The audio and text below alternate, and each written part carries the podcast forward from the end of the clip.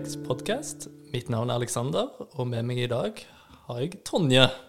Og vi har en topp tre-liste på lager for dere. I dag så skal vi ha om eh, noveller, og det er ikke helt uh, tilfeldig. Det er uh, overhodet ikke tilfeldig, fordi at uh, i januar så har vi startet den nye leserutfordringen vår. Vi har jo reist i tid, Mm. oppsi rom. Vi har reist i verden. Mm.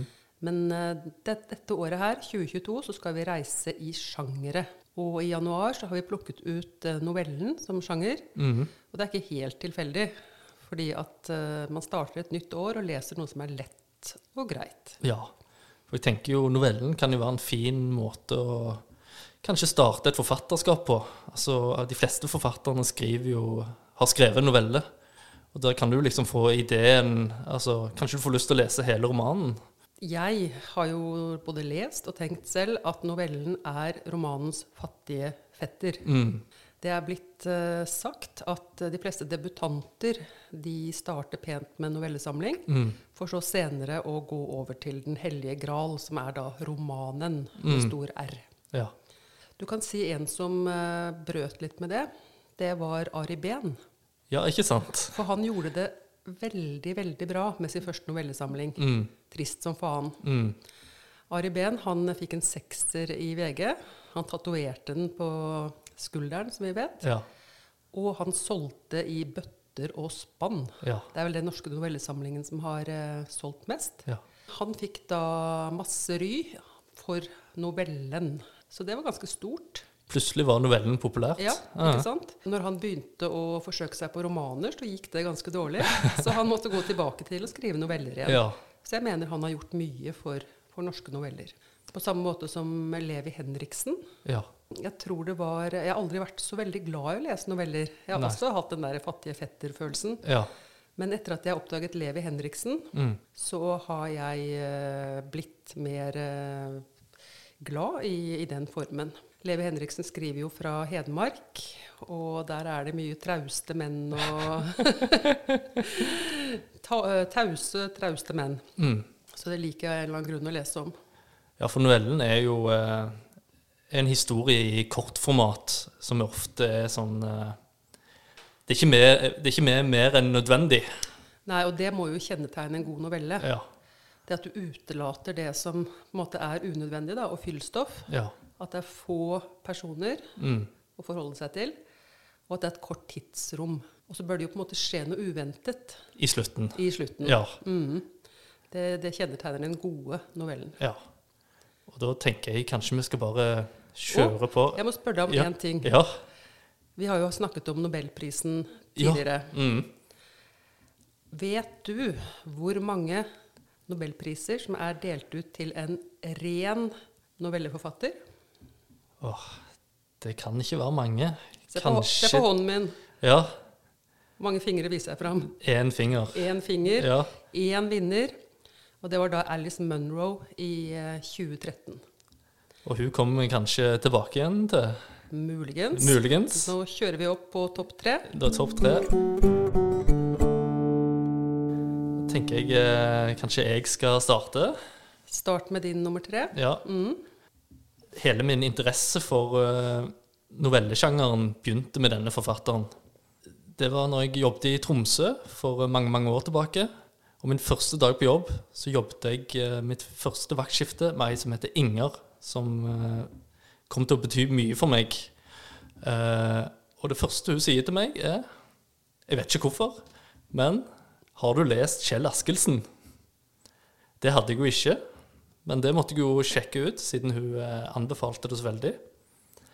Og det har jo blitt eh, en av mine favorittforfattere. Det vet jeg. Ja. Mm. Og eh, han har heller ikke Det er ikke mye overflødige ord der. Han er vel, kan vi kalle ham den norske Hemingway? Ja, han var jo veldig inspirert av Hemingway. Og de sier at når Askelsen hadde hatt en god dag, så hadde han skrevet én setning og strøket to. Men uh, den setningen han da skrev den dagen, den var perfekt. Ja. Skarpslipt, ja. kan man kalle det. Hver setning er helt uh, perfekte. Altså, det er noe som bare faller på plass i hodet mitt når jeg leser Kjell Askelsen. Og den uh, novellen jeg har, eh, har tatt med. Eh, kunne jo valgt eh, hvem som helst her, eh, men det er Thomas F. Siste nedtegnelser til allmennheten. Og Det er rett og slett fordi den er ustyrtelig morsom. Og det er jo en eldre mann. Eh, det kan jo tenkes at det er Kjell Askelsen sjøl som er, er, har, eh, er hovedkarakteren her. Det er inndelt i uh, ulike kapitler, der han f.eks. treffer den eldre broren og tar et parti sjakk. Uh, han treffer den uh, dattera si på veien. Og det er liksom en blanding mellom humor, og det er absurd, og det er kloke ord. Som jeg setter veldig pris på, da. Det er veldig, veldig enig med deg i. Jeg skulle ønske at jeg hadde møtt Askelsen. Du har jo nevnt en telefonsamtale med Dag Solstad før, men har du noen gang møtt Kjell Askelsen? Nei, men jeg har sett ham på scenen Ja. på Litteraturhuset. Og det var en stor opplevelse.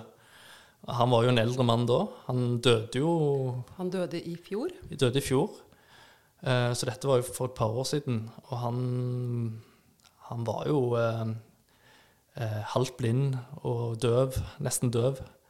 Men koste seg på scenen, virka det som. Og det kunne du se da du gjorde det? Ja, og liksom eh, hadde et vinglass han nippa til. Og, og, og da fortalte han faktisk om denne Thomas Fs siste nedtegnelser. For det er jo den vi lesere liker. Sa han det? Nei, men det, det er liksom eh, Det er jo en kjent, da. At, eh, for den er så morsom. Eh, og da spurte Alf van der Hagen om den, da. Og den skrev han på et sykeleie når han var på tur til, i Syden en plass. Og han skrev det bare på en serviett. Den aller beste novellen hans? Ja, og han syns ikke den er den aller beste. Han syns kanskje det er en, en av de dårligste. Ok, men nå er jeg veldig nysgjerrig på hva som blir din nummer eh, to, og hvem som blir din vinner. Hvis du har Askildsen helt ned på tredje. Ja, det sier litt det om de andre. Kvalitet, altså. Ja. Men nå er det din uh, nummer tre. Min bronseplass. Mm. Uh, Jeg nevnte jo i begynnelsen at uh, jeg har valgt tre noveller som gjorde veldig inntrykk på meg da jeg var yngre. Mm. Og min nummer tre er en veldig kjent norsk engelskmann Ja. ved navn Roald Dahl. ja, det vil jeg si. eh, Han er veldig kjent for barnebøkene sine, Mm. men han har også skrevet uh, mange noveller for voksne. Og den jeg har plukket meg ut som min nummer tre, det er 'Vertinnen' fra 1959. Og det som er så spesielt med den, den har en veldig enkel handling. Det er den unge mannen Billy Weaver som kommer uh, for å få en ny jobb i en ny by. På vei til hotellet så kommer han forbi et lite pensjonat som ser fryktelig, fryktelig hyggelig ut. Mm. Og der eh, losjerer han seg inn. Eh, og denne vertinnen da, som eh, tittelen henspiller på, hun er også veldig, veldig hyggelig. Mm. Og tonen er så lys, og den er så lett, og så blir den så fryktelig lumsk. Det bor nemlig ingen i dette pensjonatet, det er bare Billy. Ja. I eh, gjesteboken så finner han eh, to andre navn som det er noe kjent med. Mhm. Og når Billy kobler, så er det to unge menn som har forsvunnet. Pressen var full av det i sin tid, og ja. Billy spør vertinnen hvor det ble av de. Og når hun da sier 'nei, de er jo her ennå', så begynner det å bli ordentlig, Ja. ordentlig skrekkelig. Eh, Jeg skal ikke si for mye, for dette her bør man lese selv. Men han, eh, rømmer ikke bare ut, da. Det gjør han, Han er for ikke. høflig til det. Han er altfor høflig, Ja. og han får en kopp te av vertinnen. Ja, Det er hyggelig, da. Nei, det er ikke så hyggelig, Alex, for denne teen smaker av bitre mandler. Ja, det, Det, det, det er ofte et veldig dårlig tegn Ja. hvis teen din eh, smaker av bitre mandler. Ja. Så eh, fryktelig, fryktelig eh, skummel slutt her, Mm. uten at jeg vil røpe noe mer. Men det, jeg tror ikke det går bra for Billy. Så dette var min definitive tredjeplass. Ja, Koste meg glugg i hjel. ja, det må jeg sjekke ut. Jeg har, jeg har jo selvfølgelig lest uh, de fleste barnebøkene hans. Du som har små barn, har jo lest alle Ja, de. det Roald Dahl er helten. Ja. Så Men eh, prøv deg på Roald Dahl for voksne. det skal jeg gjøre. Det fikk jeg veldig lyst til. Da er det min uh, nummer to. Og da skal vi eh, til hun som ble nevnt før i dag. Godeste Alice Munro. Alice Munro. Og hun eh, vant jo Nobelprisen i 2013, som nevnt. Eh, og for en del år tilbake eh, så hadde vi en lesesirkel her på Fredrikstad bibliotek, og vi hadde Alice Munros noveller. Da hadde vi en som het Wenlock Edge, som gjorde veldig inntrykk på meg. Det er jo satt eh, Hun skriver jo bare fra hjemplassen sin i Ontario i Canada. Og dette er satt til sånn universitets-college-miljø. Der det er en eh, navnløs eh, jeg-person. En eh, kvinne på 18-19 år som studerer gresk. Gresk litteratur. Og hun blir da kjent med ei som heter Nina. De er jo sånn romkamerater. Roomies, som det heter. Og hun Nina hun er litt rar. Eh, og det viser seg at hun har en mye, mye eldre kjæreste som bor i et fantastisk stort hus. Og eh, han er da veldig eh, Han passer veldig godt på hun Nina, da. Så han har folk som spionerer på Nina. og de blir jo gode venner, Nina og denne karakteren. De, I en, en scene her så, så flykter de sammen. Lurer seg forbi spio, de som spionerer, og, og koser seg. Og de knytter et, eh, et nært forhold. Eh, Helt til en gang hun Nina er litt eh, småsyk. Og så viser det seg at hun eh, skulle egentlig vært på Det er lørdag, og da har hun en fast middagsdate med han den eldre mannen Ja. i det store huset. Så hun spør om eh, ja, kanskje du eh, drar istedenfor meg. På lørdag er det alltid noe godt. Og hun tenker veldig eh, på dette her, da. Eh, men ja, hvorfor ikke? Når hun kommer da til det store huset, så møter jo hun eh, hun dama som spionerer på dem, i, som er sikkert tjeneren, da. Og det første som møter hun, er Nå kan du ta av alle klærne dine. Ops. Kanskje ikke du skal spoile mer enn som så? Nei, jeg skal stoppe der. Men eh, aldri vært borti en sånn novelle som har skapt så stort ubehag. Ja, det var akkurat det jeg skulle spørre deg om. Ja. Den er ubehagelig. Ubehagelig. Altså eh, Sånn som den Roald Dahl, egentlig, så eh, Du merker at noe er kanskje litt off i begynnelsen, men det er jo liksom et sånn hyggelig college-liv, og de snakker om gutter og, og sånn. Og så til dette her, da, skiftet. Som det er nesten som et sånn spøkelseshus, ikke sant, som ofte blir brukt. Uh, så den sitter i meg ennå. Den Winlock Edge, den kan jeg uh, ikke trygt anbefale, men anbefale.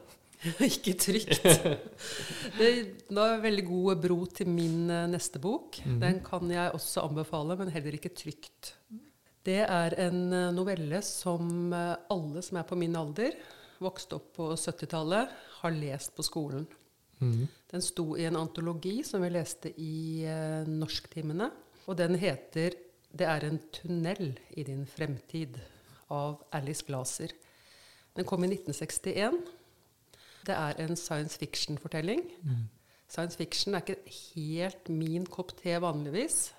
Jeg foretrekker å holde meg holdt jeg på å si, i vår tid. Men eh, denne her gjorde så enormt uh, inntrykk på meg, fordi at den, sånn som i, i Munro du snakket om i stad, så starter den opp så tilforlatelig, og så går det nedover. Det starter med at vi får eh, Vi befinner oss i år 2150, og jorden er fullstendig overbefolket. Så vi møter eh, paret Tom og Jeannie i bilen sammen med de to barna. De er på vei fra stranden. De har kjørt i fem timer til stranden. Eh, to mil. Og de har ventet to timer på å komme ned i vannet, hvor de får sin tilmålte tid. Ti minutter i vannet. Det sier litt om uh, overbefolketheten. Bilene de kan bare gå i 30 km i timen.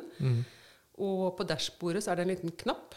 Hvis man blir liksom stressa og overopphetet i denne bilen, så kan man trykke på en knapp og få enten en rosa eller en blå beroligende pille. Det høres veldig fint ut, da. Ja, ja, ja. Så det benytter eh, kona Jeannie seg av flere ganger på vei tilbake til Manhattan, hvor de bor. Det er tydeligvis at det er noe som kommer til å skje på veien tilbake til, til Manhattan, da. Og det er der eh, vendepunktet starter, fordi de begynner å bli mer og mer nervøse jo nærmere de kommer denne tunnelen i tittelen. Og jeg skal ikke røpe for mye hva som skjer inni denne tunnelen. Men jeg kan jo fortelle hva de kaller dette begrepet. Mm. Det kalles avfolkning uten diskriminering. altså verden er så overbefolket at uh, den tunnelen da brukes rett og slett som en, uh, en avfolkningsmaskin. Ja, Jeg må si såpass at ja. når du først kjører inn, så er det et sjansespill. så er det et sjansespill. Tom i eh, novellen kaller det for russisk rulett. Ja. Og i denne gjennomregulerte verdenen de lever i, anno 2150, så er det det eneste spenningsmomentet igjen. Ja. Kommer du gjennom tunnelen, Ja. eller lukker porten seg foran deg? ja. For på stranda, det, det vil de. Ja, og det er akkurat det. Det er akkurat det. De unnslipper Jeg må nesten røpe at Ja. hvis porten lukker seg, så fylles tunnelen med blåsyre, ja. og folk rydder seg av gårde, og så er den åpen igjen. ja. Og du vet aldri når den Du vet den aldri. Nei. Det kan skje to ganger i løpet av en dag. Eller det kan skje med en ukes mellomrom. Så det er rett og slett et sjansespill. Men den eneste spenningen på en eller annen syk måte som er igjen. Mm. Og slutten, den er jo helt merkelig. Der sier jo Tom ja, det blir stranden igjen neste helg. Så det er Ikke altså lært noe. Jeg har tenkt så mye på den etterpå, og jeg var så glad fordi jeg fant den i en novelleantologi. Selvfølgelig samlet sammen av Bing og Bringsværd. Ja. Hvem ellers? ja. ja den virker jo helt eh, Det er jo helt galskap. Ja, den må du faktisk lese. Ja. Ja. Det hørtes ut som det kunne vært en film òg. Det har du helt rett i, for det er det blitt. Ja. Det er en prisbelønt eh, norsk kortfilm som kom i fjor, Ah, som bare heter 'Tunnelen'. ja.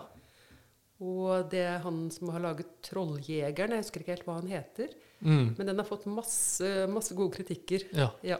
Må ha gjort inntrykk på han òg. Ja, helt sikkert. Han er sikkert på min alder og har Ja. hatt, hatt den på en måte i bakhodet hele tiden. Den, eh, den har jeg ikke hørt om, og den fikk jeg veldig veldig lyst til å lese. Ja, jeg skyver boken over til deg. ja, gjør det. Ja. Ja. Takk. og eh, det er vel akkurat det som er fint med noveller. Altså akkurat dette her, Den galskapen der.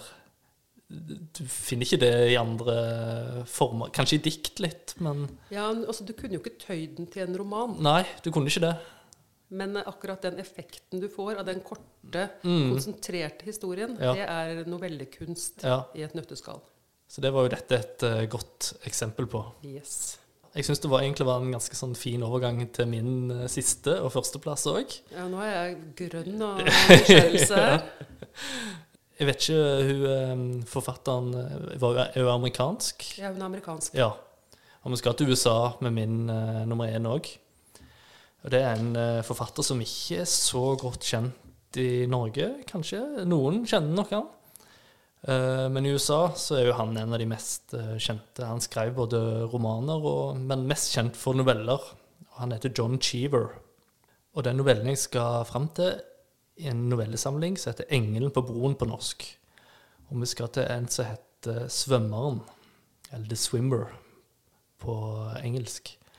Eh, og det handler om Neddy, Neddy Merrill, som er kanskje i 40-åra. Vellykka på alle, alle mulige plan i livet. Familie. Ser bra ut. Og vi møter han eh, på en sol, solfylt eh, dag, akkurat denne, eh, om sommeren. Eh, han har bare på seg badebukse og en, og en drink. Og han får det for seg, for han bor jo i et sånn velstående nabolag. Du kan se det for deg. The suburbs. Er vi på 50-tallet nå, cirka? Ja, vi er på Ja. 50-tallet. For en idé, da. Hva hvis jeg eh, svømmer, svømmer gjennom alle svømmebassengene i hele nabolaget? Det er en god idé. Å dra på tur, liksom. Eh, Så han begynner jo da, og det er jo veldig hyggelig, for folk er jo samla rundt eh, poolen, ikke sant? Og det er fester, og, og når de ser han komme, så han er tydeligvis en sånn, ja, en som alle liker. Så de inviterer han på drinker, og han har det jo veldig hyggelig de første bassengene. Så skal han over en motorvei, da. Og da begynner det å regne. Bilene stopper ikke foran, og det er søppel der. Og, og det tar liksom en ny vending. Og de neste Han kommer seg over den veien, da. Men eh, de neste bassengene, da er det ikke så hyggelig stemning lenger. Hva er det som har skjedd? Eh, og ja, han treffer en ubehagelig eks, eksempel, og, og et eldre par som ser litt ned på han, og ikke noe drinker der. Fantastisk eh, novelle, dette her, eh, så du kan tolke i mange slags, på mange slags måter. Underholdende, morsom og tankevekkende helt på slutten, som en god novelle skal være. Jeg må bare si at jeg har lest den Ja, etter anbefalelse fra deg. ja, Og jeg tenkte det konseptet, svømme fra basseng til basseng på vei hjem. ja, Men altså den novellen der, den har faktisk alt. ja. Og den dagen jeg leste den, så ble jeg sittende og google forskjellige analyser av den. For jeg ble så opphengt i hva den egentlig handlet om. ikke sant? ja. Den er morsom på overflaten, Mm, og så under så ligger det et eller annet og lurer her. som et basseng. Ja, ikke sant? Ja. Åh. så den, eh, den vil også jeg anbefale på det varmeste. altså. Jeg ble Mm. helt hekta på den. Mm. Så det var en glimrende nummer én, Alex. Ja, takk for det. Ja. Nå er jeg veldig spent på din uh, nummer én. Det er den eldste novellen her i lille bunken min. Mm. Den er fra 1882. Yes. Ja, ja, ja. Men novellene har eksistert siden 1300-tallet. Ja. Og da heter det kanskje novelletter? Hæ? Ja. Jeg må bare nevne at Boccaccio er kjent som den første novellemesteren. Ah, det den visste som jeg ikke. heter eh, Decameronen. Ah, En gjeng med ungdommer som drar ut på landet for å unnslippe pesten i Firenze. ja. De lar tiden gå med å fortelle hverandre historier. Så Så sett i den sammenhengen her, så er jo ikke 1882 så veldig gammelt. Nei, det er ikke det. Men det heter novelletter, Ja. som du sa. Og før jeg røper hvem det er, så vil jeg utpeke den til den beste novellen i verdenshistorien. Mhm. Dette her er en roman på fem sider. Det er imponerende. Ja. Og det jeg vil fram til, det er Alexander Kielland med novellen 'Karen'. Mm. Vi snakker fem små sider hvor han klarer å presse altså alt vi trenger å vite inn på de fem sidene. Mm. Med antydningens kunst. Ja. Det er eh, denne piken som heter Karen, som jobber på en kro. Mm. Og eh, det er så antydet. En kollega av meg sa at sønnen hennes hadde lest den på ungdomsskolen. Mm. Og han skjønte jo ingen verdens Nei. ting. ikke sant? Du må være relativt voksen for å skjønne det. Du Mm. må liksom finne de, Det er frampek. Det er en sånn uh, dyreanalog her. ja. Og, hvor reven liksom du, du opplever liksom hendelsen gjennom reven som løper gjennom skogen. ikke sant? Ja. Reven er postmesteren, Ja. skjønner man da etter hvert. Mm. Denne vakre, mørke postmesteren. Mm. Gjennom denne intrikate små dryppene så skjønner vi at uh, Karen er gravid.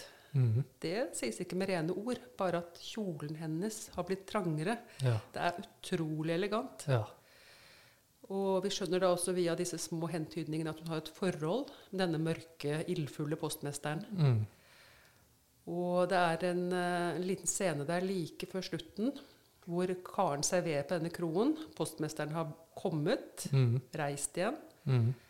Hvor et uh, par eh, bønder sitter og prater om bryllupet til postmesteren. ja. Og vi får ikke vite noe om Karens reaksjon. Vi bare blir fortalt at det kommer et kjempebrak. Mm. Hvor hun da mister alt hun har i hendene. Mm. Ikke sant? ja. Og via det så skjønner vi jo liksom hva slags forventninger da hun har hatt. ikke sant? ja. Helt på slutten så Det var drømmene som knuste. Ja, det var drømmene Ikke sant? Det, Mm. det, det er så elegant gjort. Og slutten starter som i begynnelsen. Det var en gang i Krarup kro en pike som het Karen. Det er starten. Slutten er den samme. Men uh, da får vi også vite at dette er en for fortelling som fortelles for å få unge jenter til å ikke ende opp som Karen. Da. Ja. Det var min definitive nummer én. Nei, alt en novelle bør være. Så da håper jeg dere har eh, funnet noen eh, gode tips. Eh, er det noen som ikke kom på lista, Tonje? Og det er jo den før nevnte Hemingway, da. Ja. Ja. Mm. Du har en spesiell en der òg? Eh, ja, det er en som heter Indianerleiren, Ja. som er en av de Nick Adams-historiene. Den er jo helt uh, grufull. Den er, uh, den er fryktelig grufull. Mm. Men uh, den festet seg, festet seg skikkelig hos meg. Mm. Har du noen runner-ups, som vi kaller det? Jeg har noen forfattere som jeg gjerne vil nevne. Ja. Hun havna nesten på lista, og det var da Clarice Lispector. Som er en kvinnelig forfatter som var fra Brasil. Utrolig kraftfulle noveller som handler mye om sitt eget liv, da. Sånn symboltungt. Kan tolke det sånn som jeg liker det, med sånn overraskende slutter og, og sånn. Eh, og så har jeg eh, Raymond Carver, som òg var en kamerat av han John Cheever, som jeg nevnte. Og de var samtidige. De var samtidige og, og kjente hverandre godt. Og så vil jeg slå et slag for eh, en eh, forfatter som bodde lenge i, eh, i Sandnes, hvor jeg er fra, som heter Gunnar Lunde. Som skrev eh, ja, merkelige noveller, men uh, morsomme òg. Altså litt à la Askelsen, bare drøyere. Så han har litt mer sånn Kafka-aktig eh, preg. Han må jo være en sånn lokal juvel. Ja, han, han er det. han. Ja, veldig ukjent, Ja. men ja, utrolig bra noveller. Du vet aldri hva som skjer i de. Har vi han her, tror du? Vi har eh, samlet av han. Ja, Okay. Det har jeg sørga for. Ja, flott. Enn du da, Tonje? Eh, jeg har en eh, ganske ny samling her i hendene. Mm.